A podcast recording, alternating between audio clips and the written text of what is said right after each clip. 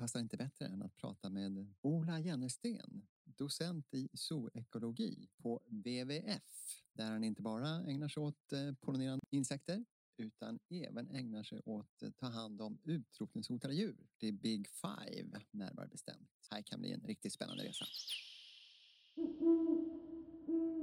Jag har hört att bina, alltså mamma bit, hon lägger sina barn i rör i stockar eller i träd. Men hon väljer att lägga kvinnorna, alltså de feminina äggen, längst in och pojkarna längre ut. Vet du hur det kommer sig, Palle? Nej, men det måste ju bero på att eh, tjejerna är viktigare och eh, eftersom killarna ligger ytterst så är det väl de som stryker med först om det skulle hända någon olycka av något slag. Eller en fågel kommer och pickar ut dem. Liksom. Precis. Så att eh, tjejerna är skyddade där inne och det är väl viktigt för fortplantningen och artens överlevnad. Ja, så kan det vara. Men det tänker jag att Ola kommer berätta mer om Ja. under podden. Ja, men nu är det ju väldigt många som eh, planterar i sina trädgårdar, på balkongen. Och det finns ju vissa växter som faktiskt bidrar till den biologiska mångfalden eller just den här pollineringen.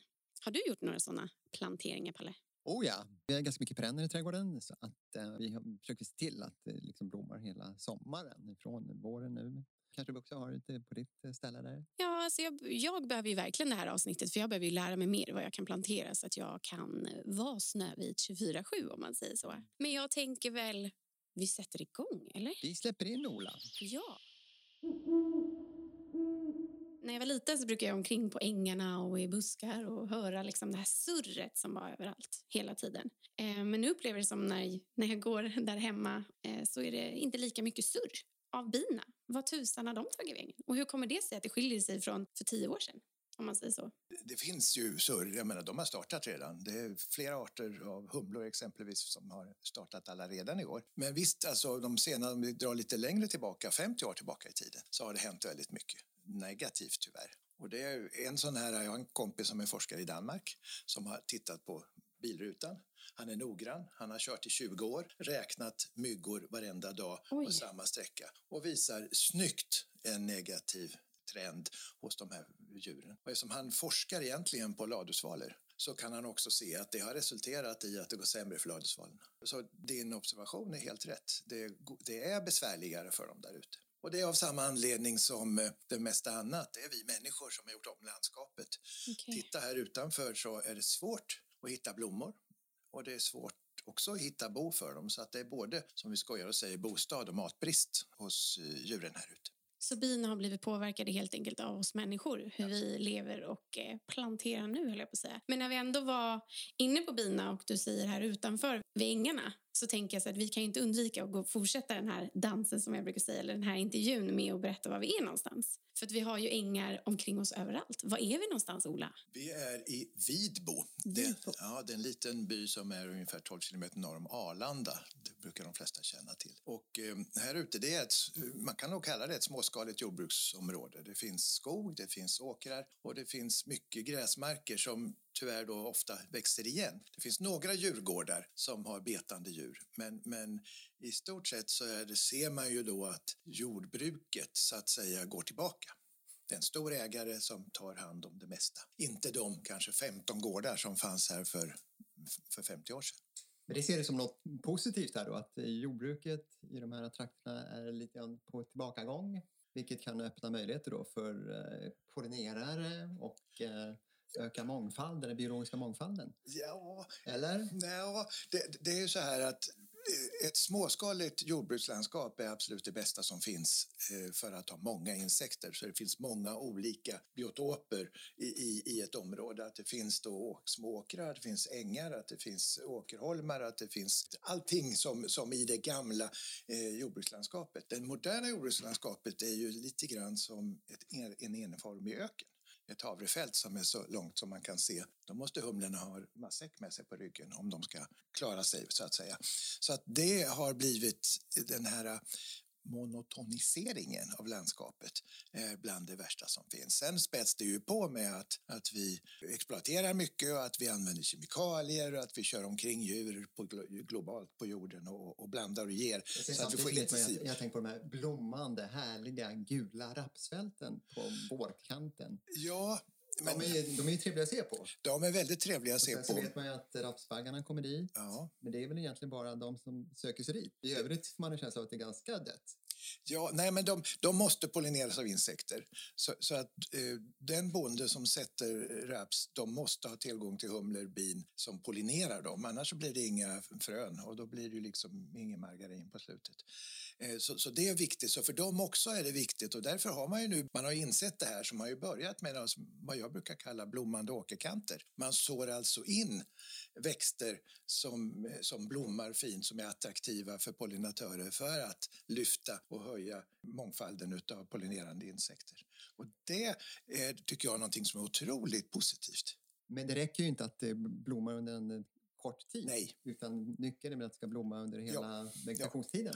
Och det, och det är de här alltså, åker, blommande åkerkanterna Mm. är byggda så, så att det ska börja och, och eh, blomma tidigt och, och sen fortsätta. Så det här med fenologi som man kallar det här, årstidsvariationerna, det är väldigt viktigt att man tänker på det när man ska göra någonting för pollinerande insekter så att det finns käk från nu då när de vaknar. Sälj är ju det allra viktigaste just nu, att hugg aldrig ner en sälj. Jaha, en blommande jag. med tonvis med pollen hos han, hanen och honan och hanen har ju också då flygbränsle, mäktar i massor. Så där sitter ju du, alla humledrottningar och flera olika arter som bara käkar pollen ifrån sälj och viden. De är där ute nu och jobbar hårt. Va? Så det är början. Och sen fortsätter det då hela sommaren ända till senhösten när, när exempelvis kärleksört, de här sena då, Mm. som kan bjuda på godsaker. Men det gäller att det finns någonting hela tiden och det är det som det vi har dåligt med här i Sverige idag. Mm. Men, men det låter något, på något sätt då som att vi är på väg tillbaka då. För att vi har förstått nu att vi behöver tänka om för att få tillbaka det här surret som jag beskrev när jag var liten och hörde bina mycket mer. Ja, alltså det har ju blivit, det, ju- det har blivit en trend nu med massa roliga saker som bihotell, ja. ja, Mm. ängar och blommande åker, eller vad heter det, vägkanter. Det där är ju en väldigt speciell sak. Trafikverket har ju då under många år klippt vägkanterna redan vid midsommar och liksom tagit död på då alla chanser att det ska kunna vara matsal då för insekterna eftersom vägkanterna är de, de, är de nya ängarna. Eh, Har, så- har du pratat med Vägverket? Jo, men de är också medvetna om det idag. Och det händer mer och mer. Det är ju en, en eh, rörelse att se till att... Jag brukar säga så här att alla som jobbar med att klippa vägkanter, de måste ha semester i juli. Jag tycker det är en viktig grej, en, Men arbetsmässig sak. att, eh, kommer de hinna med i augusti? Då? Ja, det, det, tror jag, det tror jag nog. Det tror jag nog. Är snabba maskiner där. Men skulle man kunna få mycket mer så, eh, att man klipper i augusti, då får vi något helt annat. Då får vi alltså blommande vägkanter fram då till augusti. Och inte bara lupiner? Nej, de ska vi ta bort. Ja, ja, ja precis. Ja, Men ju- vänta, ja, nu måste ni... liksom, vi har ju fört ett krig mot lupiner Ja, tidigare i den här men- podden. Ja, ja absolut. Ja, nej, de, de får vi, men det, det kan man också, då får man då göra special eh, såna här ambulansutryckningar och klippa dem när de, innan de börjar blomma eller framförallt innan de frösätter. Men det kan man nog, det man, kan man vara rätt så framgångsrik med bara man satsar på det. Varför inte lupin är bra för bin då, tänker jag. Det är en växt som kommer från Nordamerika och den tar över helt och hållet. Alltså det är en invasiv art kallar man ju det. Det här att människor reser runt och plockar arter från alla håll och sätter på fel ställen. Och där den växer, då dödar den allting annat. Alltså den är så tätväxt så att alla våra kompisar som vi vill ska blomma där, de, de blir utkonkurrerade utav lupinen. Lite som när man råkar plantera mynta. Precis, den är ju också, det är, det är en del, det är en del växter som verkar ha fötter, alltså mer än Ja, andra. verkligen. Ja. verkligen. Men vi kan spinna lite vidare på det här med invasiva arter. Lupin är en utav dem. Ja. Men det finns ju ett antal. Björnlokan finns Absolut. också. Och vi har Ja. något som heter parkslidet. Ja. va? Som är riktigt besvärlig. Ja. Ja, och det är liksom samma effekt med dem Ja. kan man säga. Ja, det, det, precis det är det. Men när man ser då björnlokområde så är ju det liksom dominerar helt och hållet. Dessutom är ju den, bränner ju den, alltså den gör ju illa en. Så den är ju otäck på så sätt dessutom. Men sen något år tillbaka så är det ju en kampanj och Naturvårdsverket har ju en kampanj för att försöka bekämpa de här invasiva växtarterna som är i det här fallet.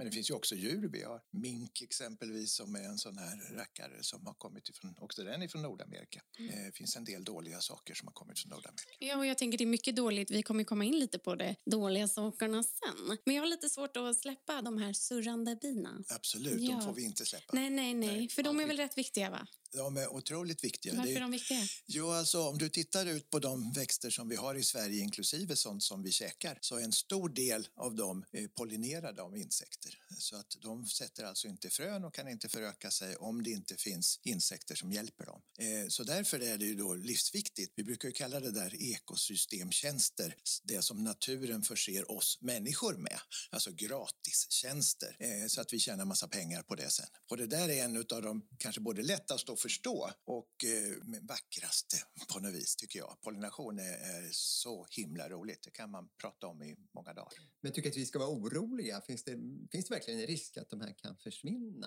Som Ja. det har varnats för från sina håll?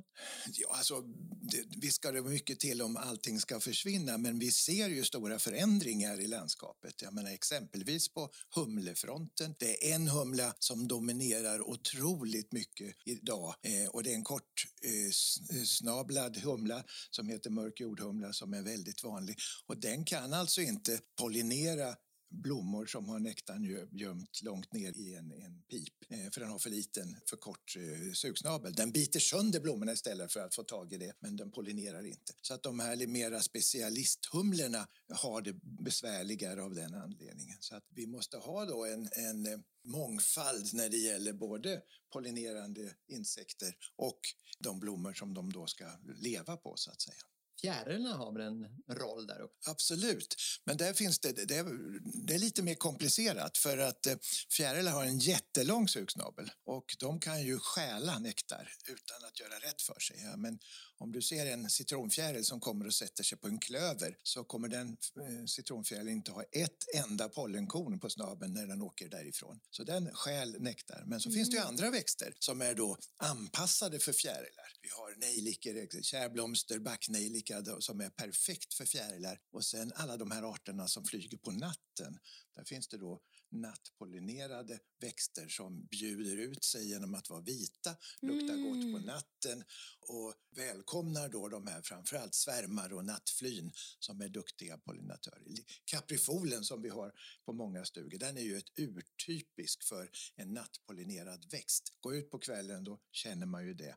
Och har man tur då så kan man se de här decimeterstora svärmarfjärilarna, tallsvärmar och herregud. i bästa fall ligustersvärmare som hänger utanför precis som en kolibri och Nej. flyger med ett Ah. Så, där har du ett fantastiskt hör du ju surr. Nej, men surrandet. alltså, jag blir ju Helt helt till mig. Alltså. Ja. Också vad fantastisk naturen är då. Hur de har anpassat sig. Jag tänker också bara så här, "Oj, men jag är en nattblomma, då ska jag vara vit. Så lockar jag och så Absolut. luktar jag så här och sen så kommer de. Det är ju en sån symbios. Alltså, det är Ja. som en, en, vad ska jag säga, en körsång i Ja. så många led. Liksom. Men det har Olika tagit, stämmor. Det har tagit många miljoner år. Ja, det förstår jag. Därför sitter vi också här Ja. och tittar på varandra. tycker jag. Det är också ett par miljoner år. Men jag tänker, vad kan liksom den vanliga människan som känner att de vill hjälpa till men inte kan så mycket så som du kan? Vad kan vi göra? Jag tror att alla kan göra lite och tillsammans blir det rätt mycket. Framförallt det har ju blivit nu, vilket är kul, är populärt att eh, göra om trädgårdarna. De, om man åker omkring och tittar i en stad så är de flesta trädgårdar då rätt så mycket av en eh, öken det också tyvärr. Då. Det är en gräsmatta där man kör omkring med en gräsklippare minst en gång i veckan hela sommaren och dödar ju alla möjliga växter som vill titta upp och visa upp sig för, för bin och, och humlor. Så då kan man avsätta en bit av gräsmattan som man inte klipper. Man kan eh, göra en äng mer aktivt genom att ta bort gräsmattan och plantera in ängsfrön. Det finns då svenska frön att köpa på marknaden. Så Men här, här ser jag en verklig utmaning. Jag bor ju i mitt eh, samfällighetsområde. Där kan vi inte riktigt komma överens. Hur ska jag med gräsmattorna? Jag tycker ju då att spar stora delar av det här. Klipp inte någonting alls. Nej, nej. Men sen så finns det ju lika, eller finns det de flesta ska jag säga. De vill ju ha de här. Ja, Nej, nej, det ska ja. vara som en green, absolut. golf green. Ja. Mm, USA kommer in liksom. Ja. Ja, ja, just precis. Jag, Men- men jag, jag förstår inte riktigt var, egentligen förstår inte riktigt varför. Men Nej, vad, det- vad, vad tycker du ska säga till dem?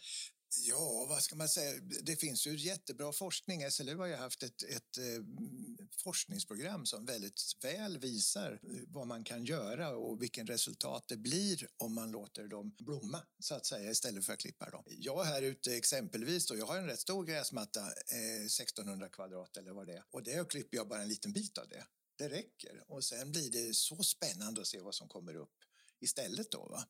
Så det kan man göra och sen kan man naturligtvis också, är man intresserad av trädgårdsväxter så ska man ju köpa perenner som är attraktiva.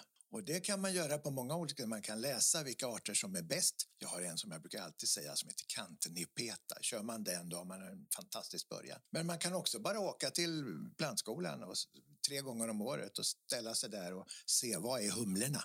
Ah. Så köper man de växterna. Oh my god, det där var så smart. vårväxterna så får man ju då sommarväxterna. Så du menar att får jag typ ska åka till den här, jag tänker inte säga namnet, men någon plantskola som du kallar det. Ja, Och sen så ställer jag mig där och så ska jag bara se var bina är någonstans. och det brukar vara rätt så klart. Nej, Alltså, men verkligen, det ja, var ju så tydligt nu känner Där jag. surrar de. Ja, verkligen. Och de köper jag. Och de här bihotellen då? För det har jag hört lite olika meningar om. Jag vill ju köpa en himla massa.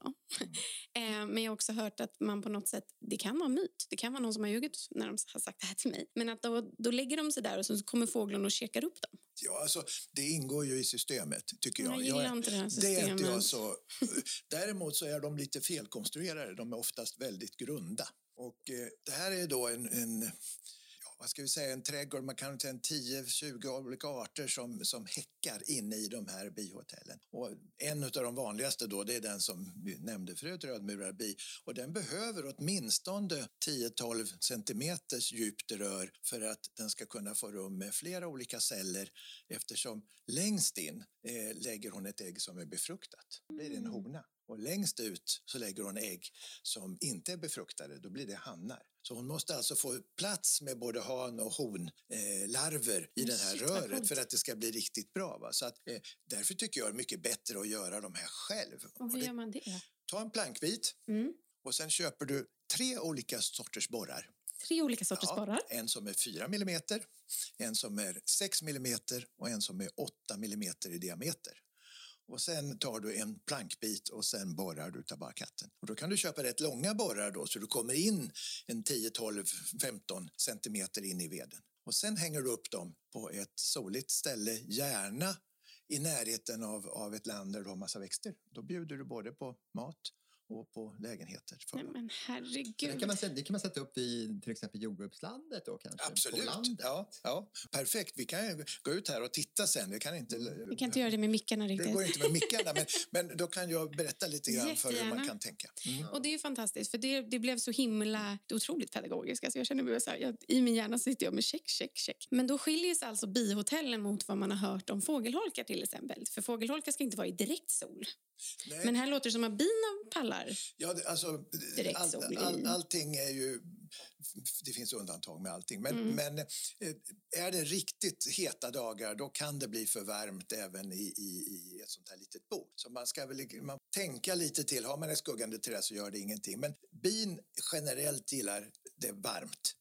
Eh, då trivs de bra. Sätter du såna här holkar på norrsidan så kommer det sannolikt väldigt få, om några, där som häckar där. Men på södersidan så är det många. Men, men blir det då en sån här mm, 38 graders eh, vecka, så solen då, då kommer det och, de att koka där inne och, och, och dö Åh, nej, det vill vi ju inte. Och det vill vi ju inte. Kokande by, nej. Nej, men det... Nej, Nej. ingenting. Regnvatten.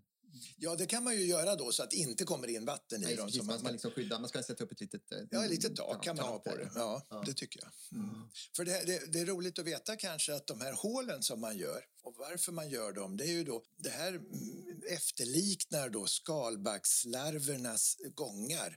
Död ved attraherar massor med skalbaggar och där går de in, larverna lever där inne och så när de flyger ut sen så blir det ett bibo utav deras Mm. gång. Och här hjälper vi dem på traven. Och då, där hjälper säga. de på traven för att det är så dåligt med död ved i det svenska landskapet. Vi, vi människor städar, städar, städar, städar. Så, så det här är alltså ett substitut för död ved där de här bona finns naturligt. Och det kan vi se också i skogsbruket. Absolut. Ja. Ja, Där den döda veden Ja. blir mindre och mindre eftersom allt ska så viktigt. användas till biomassa. Just det. Mm. Och, och det där är, brukar jag säga, jag tror inte att skogen kan lösa alla våra problem. Och gör, försöker vi med det, då kommer vi att förstöra för biologisk mångfald. Eh, för att det behövs då väldigt mycket mer i skogen än vad vi har lyckats med idag. Man ska vara lite försiktig där med uttaget av biomassan. Så man, Det, det är vissa saker som är viktigt. Det ska vara Gamla träd är otroligt viktiga för biologisk mångfald.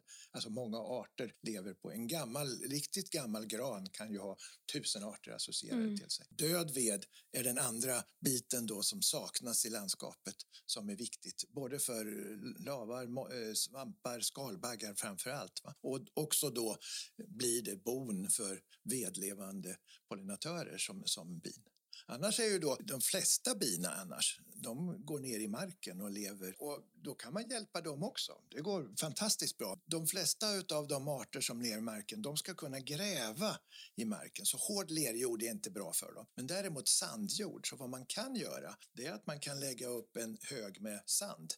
Vi brukar eh, skoja och säga sandlådesand finns det något som heter som man har då till, till sandlådor.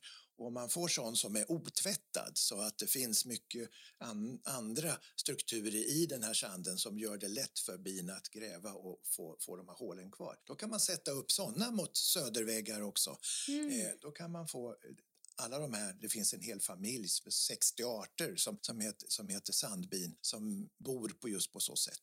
Och det är också någonting som lite grann saknas i, i, i landskapet. Där vi Och det kan kanske är extra viktigt här i, på Uppsalaslätten. Ja, absolut. Och där, ju- där är också då det här med vägkanter viktigt. Det finns på många vägkanter, bara någon kilometer härifrån finns det en stor skärning genom en, en eh, sandås. Och den där skärningen, där är det fullt med bin som bor.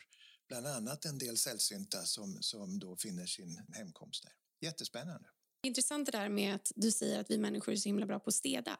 Alltså just att vi vill ha, lite som Palle var inne på, så här, green, alltså, klippt och det ska bort med träd och allting sånt. Jag lever också i en samfällighet. Det låter ju som att jag typ lever i någon hippiekultur. Christiana ju bor i Christiana i Köpenhamn. ja, och då var vi tvungna att ta ner några träd för de inte mådde bra. Ja. Och där stod jag typ och grinade. Ja. Ja, jag hatar det här alltså. Det är så svårt med det här. Men- Moder jord. Men låt dem då, stockarna kan de ligga kvar. Ja, men det är det jag menar, för jag har ju sparat. Jag har ju Ja. bett trädkillarna, för Ja. jag tänkte säga jag ska bygga med en stubbe. Men nu har jag mer så här, jag låter dem vara där så Ja. kan bina Det ha finns det till och med ett fint ord på det. Lite. Faunadepå. Det är ett hög stockar som man låter vara för skalbaggar och andra. Jag har flera stycken här på tomten. Fauna depå. Ja, det Ja, det begreppet kan ju liksom ingen eh, sätta sig emot. Nej. Utan det är ju alla accepterar. Jaha, okej. Fauna på. Det är klart. Det är klart, det, det är klart att trädet ska ligga. Ja. Och, och en annan grej då, kompost, som är nästan samma sak. Va? Man, man har alla grenar och grejselemojs och, och rester ifrån trädgården lägger man på en stor hög. Och i en kompost lever det massvis med spännande saker. Eh, Snokar lägger ägg där. Och Jordgetingar? Ja, men de är jättebra. Nej, men du. Inte att Du trampa får i. inte dit mig alltså. Vi Inte är på bina. Nej, inte att trampa i. Det var nämligen en kompost jag klättrade på. Ja, du ser. Ja. Ja, nej, men det finns, och även snälla humlor bor i dem. Så att det, det, en kompost måste alla som har en trädgård ha i ett hörn. Det är Okej. viktigt. Från kompost är inte steget långt till eh, den globala livsmedelsproduktionen. Jag tänker till exempel på mandelodlingen i Kalifornien där eh, man är tvungen att pollinera med eh, handkraft. Just det. Kina likadant. Och det här är väl Mm. en- en trend man kan se lite här och var Ja. just när det gäller produktion av frukt och Ja. bär och nötter och så. Ja, ja alltså det, är ju, det, det är ju otroligt stora penningar det här rör sig om om vi, om vi vill ha produktion utav, utav det som vi ska äta. Och dessutom så har man ju nu mer och mer an, börjat använda mer kommersiellt då insekter som pollinatörer. Det finns nog inte ett växthus i Sverige som inte använder inköpta humlor som man har i kolonien i en låda som man ställer in i växthuset och så pollinerar humlorna när de, när de då kör sina varv. Då. Och i USA då som du pratade om, där har man också andra bin. Man har de här buksamlarbina i lådor som man odlar på liknande sätt och sätter ut i jätteantal i områden där man exempelvis då odlar alfalfa som är, som är en ärtväxt och som behöver ett stort starkt bi för att kunna öppna blomman och få den pollinerar. Så det där bör man ju lära sig. Men som allting vi människor gör så blir det ju så stort. Alltså det, här, det här med humlor har ju visat sig då att man kör då den här jordhumlan över hela världen och säljer den till alla ställen och den kan då föra med sig sjukdomar, den kan då smita från växthusen naturligtvis och gör det också. Så att det hela är inte helt enkelt. Alltså. Men, men att pollinatörer är nödvändiga, det är en självklarhet.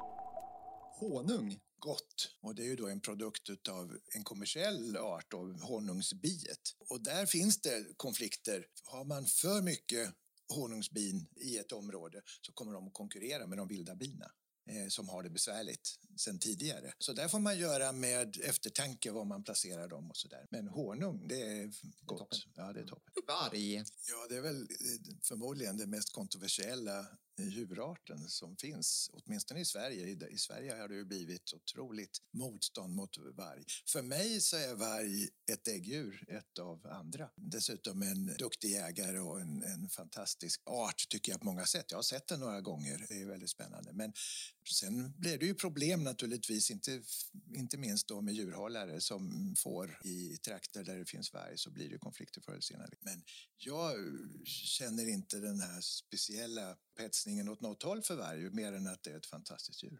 Hantlar. Hantlar. När jag var liten så var jag tyngdlyftare. Så jag tävlade till och med i tyngdlyftning till när jag var 15 år. Och då tränade jag väldigt mycket med hantlar. Så det är väl det som jag tänker på direkt när du säger så. Skansen eller Kolmården? Kolmården. Oj, det var snabbt. Varför det? Jag har varit där en del och det är ju, Skansen är ju fantastisk. Alltså, djurparker kan man ha väldigt mycket olika uppfattningar om. Men mitt djurintresse kommer för att jag hade möjlighet att gå på eh, zoologiska trädgårdar och se djur som jag inte kunde då uppleva här hemma på annat sätt. Så jag tror att den har en otroligt undervisande uppgift. Men samtidigt så är det ju någonting som måste skötas och vara, måste vara bra. Och, och burarna i Kolmården exempelvis är ju väldigt mycket större än vad man har i Skansen. Skansen är ju ett gammalt och rätt så trångt. Så, så då, om jag får säga en av de två så blir det Kolmården. Utsikt över en åker eller en sjö? Sjö förmodligen. Åker kan, är de små och fina och har man dessutom som jag då ett eh, fotogömsle där jag fotar eh, havsörnar så är ju åker fantastiskt. Men, men annars så är väl sjö svårslaget. Havsörn eller fasan? Ja, det är ju självklart havsörn. Fasaner kan man använda till att mata havsörnarna med. Oj, oj, oj. Men havs, eller fasan är ju då i grunden ett infört djur i Sverige eh, som mer eller mindre är naturaliserad sedan lång, lång tid tillbaka. Det är också ett omtyckt jaktobjekt på många ställen. Och det är en vacker fågel, ja, men det är ingen snack om annat, en fantastiskt vacker fågel. Men, men det är ju inget som slår en havsörn. Men när vi ändå är inne på jaktdjur så kan man ju inte undvika att gå in på, på ditt intresse för illegal jakt. Och hur hamnade vi där? Ja, alltså, när vi tittar på vad det är som hotar biologisk mångfald där ute så, så är den illegala jakten på framförallt då de mest karismatiska djuren vi har på jorden är ju då en, en verklighet. Det är ju idag det som ser till då att lejon reduceras med en väldig fart, att tigrar bara finns 4 000 på jorden där det sannolikt fanns nästan 100 000 för 100 år sedan och att noshörningar och andra djur som bär på delar som vi människor betalar hutlösa pengar för. Eh, i, I det där läget så finns det ju liksom inget positivt att säga med illegal jakt. Jag menar, bara namnet säger ju det. En hel del. Ja. Ja, just precis. Och då kan man ju fråga sig vad är det för som driver den här illegala jakten? Och det är ju förstås då mycket vidskepelse, förmodar jag. Ja, det, kan vara... och också... Det, ja, FFB, ja, där finns ja. ett värde. Ja, det finns, det finns otroliga värden. Det är alltså naturligtvis vad som drivs det, det är ju då konsumenter i andra länder oftast som har ett nästan sjukligt intresse för att samla på eller att man har, eh, använder de här i orientalisk medicin. Eh, men också då en, en som konst, eller som material till konst. Men där har vi ju elfenben som vi människor har hållit på och täljt på i princip 30 000 år. De första jägarna ute i Sibiriens eh, tundramarker gjorde ju krokar och annat utav mammutben. Det är ett fantastiskt material. Och i och med att de blir då mer och mer sällsynta så ökar ju priset till ett sätt som är nästan eh, otroligt. Och, och för att kunna bekämpa det här så räcker det inte med en åtgärd då naturligtvis, utan man måste då jobba i fält och se till att de överlever. Det är ju liksom det allra viktigaste. Man måste jobba med eh, gränsbevakning så att smugglingen upphör. Och kanske det allra viktigaste och svåraste, det är att begränsa efterfrågan. Hur kan man få då en fanatisk elfenbenslover från Kina att sluta älska elfenben? Hardcore buyers brukar man ju kalla de här som, som verkligen inte, trots att då Kina idag har förbjudit handel, vilket är bra, det är jätteglädjande, mycket positiva saker som händer, men de tror jag man aldrig kommer åt. Det finns en massa myter kring det där också. Jag tänker på de här um, potenshöjande medel. Och... Ja, det, så, sånt, sånt är, och det gäller ju kanske då framför allt eh, noshörningshorn. Men noshörningshorn har också en statusfunktion. Har du då, eh, kan du bjuda på nerrivet eh, noshörningshorn i varmt vatten och smak, så du får smaka på det, då är du bäst i klassen. Då har du en otrolig ekonomi på samma sätt som om du har en, en Porsche eller en, en Lamborghini mm.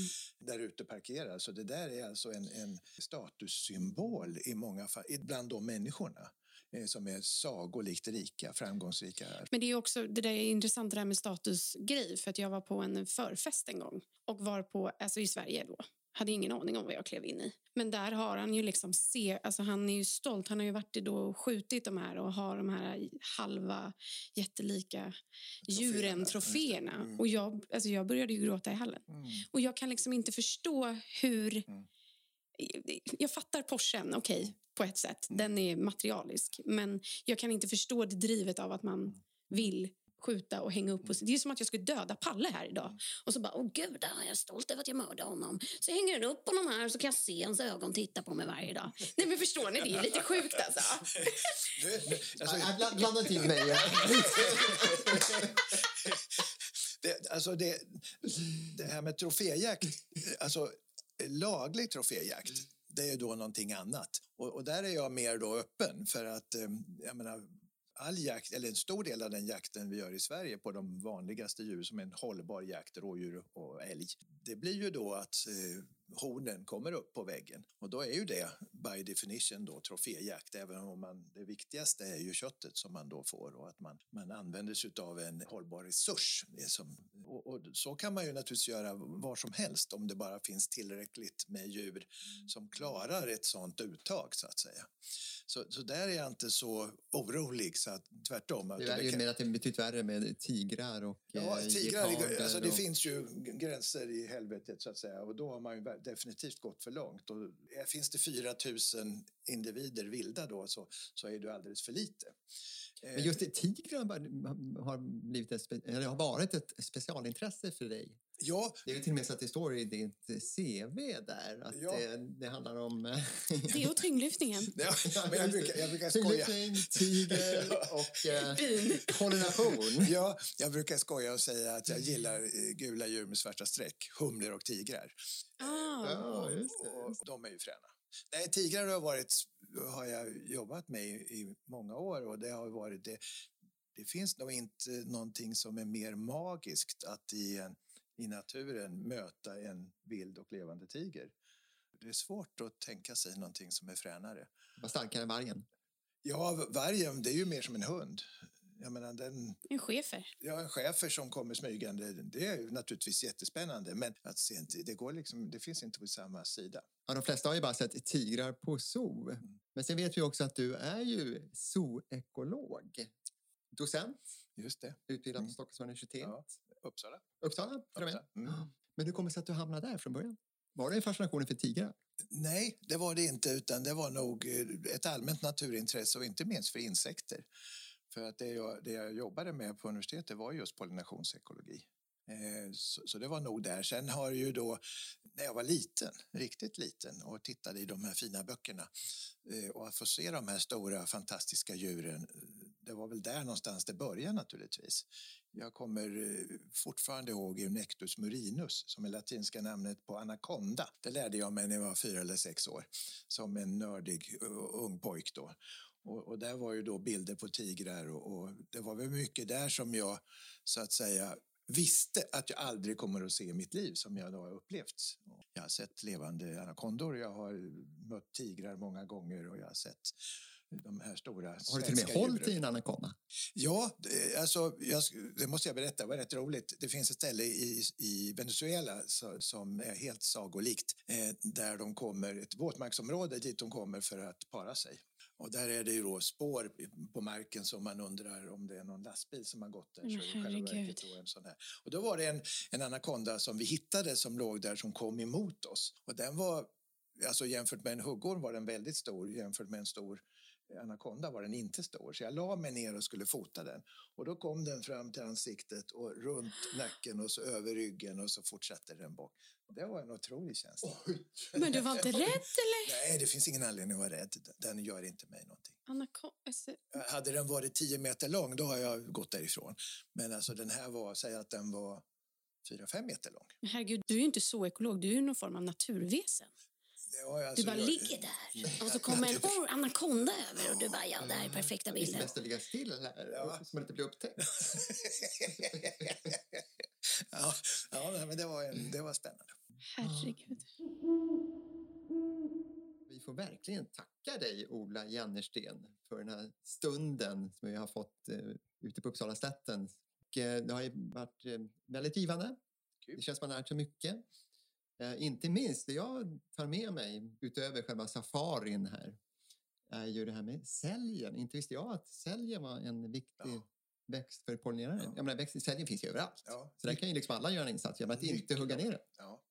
Och det är många som hugger ner den. Ja, precis. Ja, Jag, jag hör ju dit själv. ja, ja. Allt för granen brukade jag, fick jag lära mig en gång Ja. på en eh, läste skogsbruk. Jag var lite tvärtom idag. Ja, precis, precis. Nikita då, vad tar du med dig? Nej, men det är ju otroligt magiskt att komma hem till en. Vi sitter här och intervjuar dig nu med en sprakande brasa. Vi ser ängar. Man bara är ett i naturen här hemma. Så det vill jag dels tacka att vi fick komma hit och träffa dig på det här sättet. Men gud, vad tar jag inte med mig?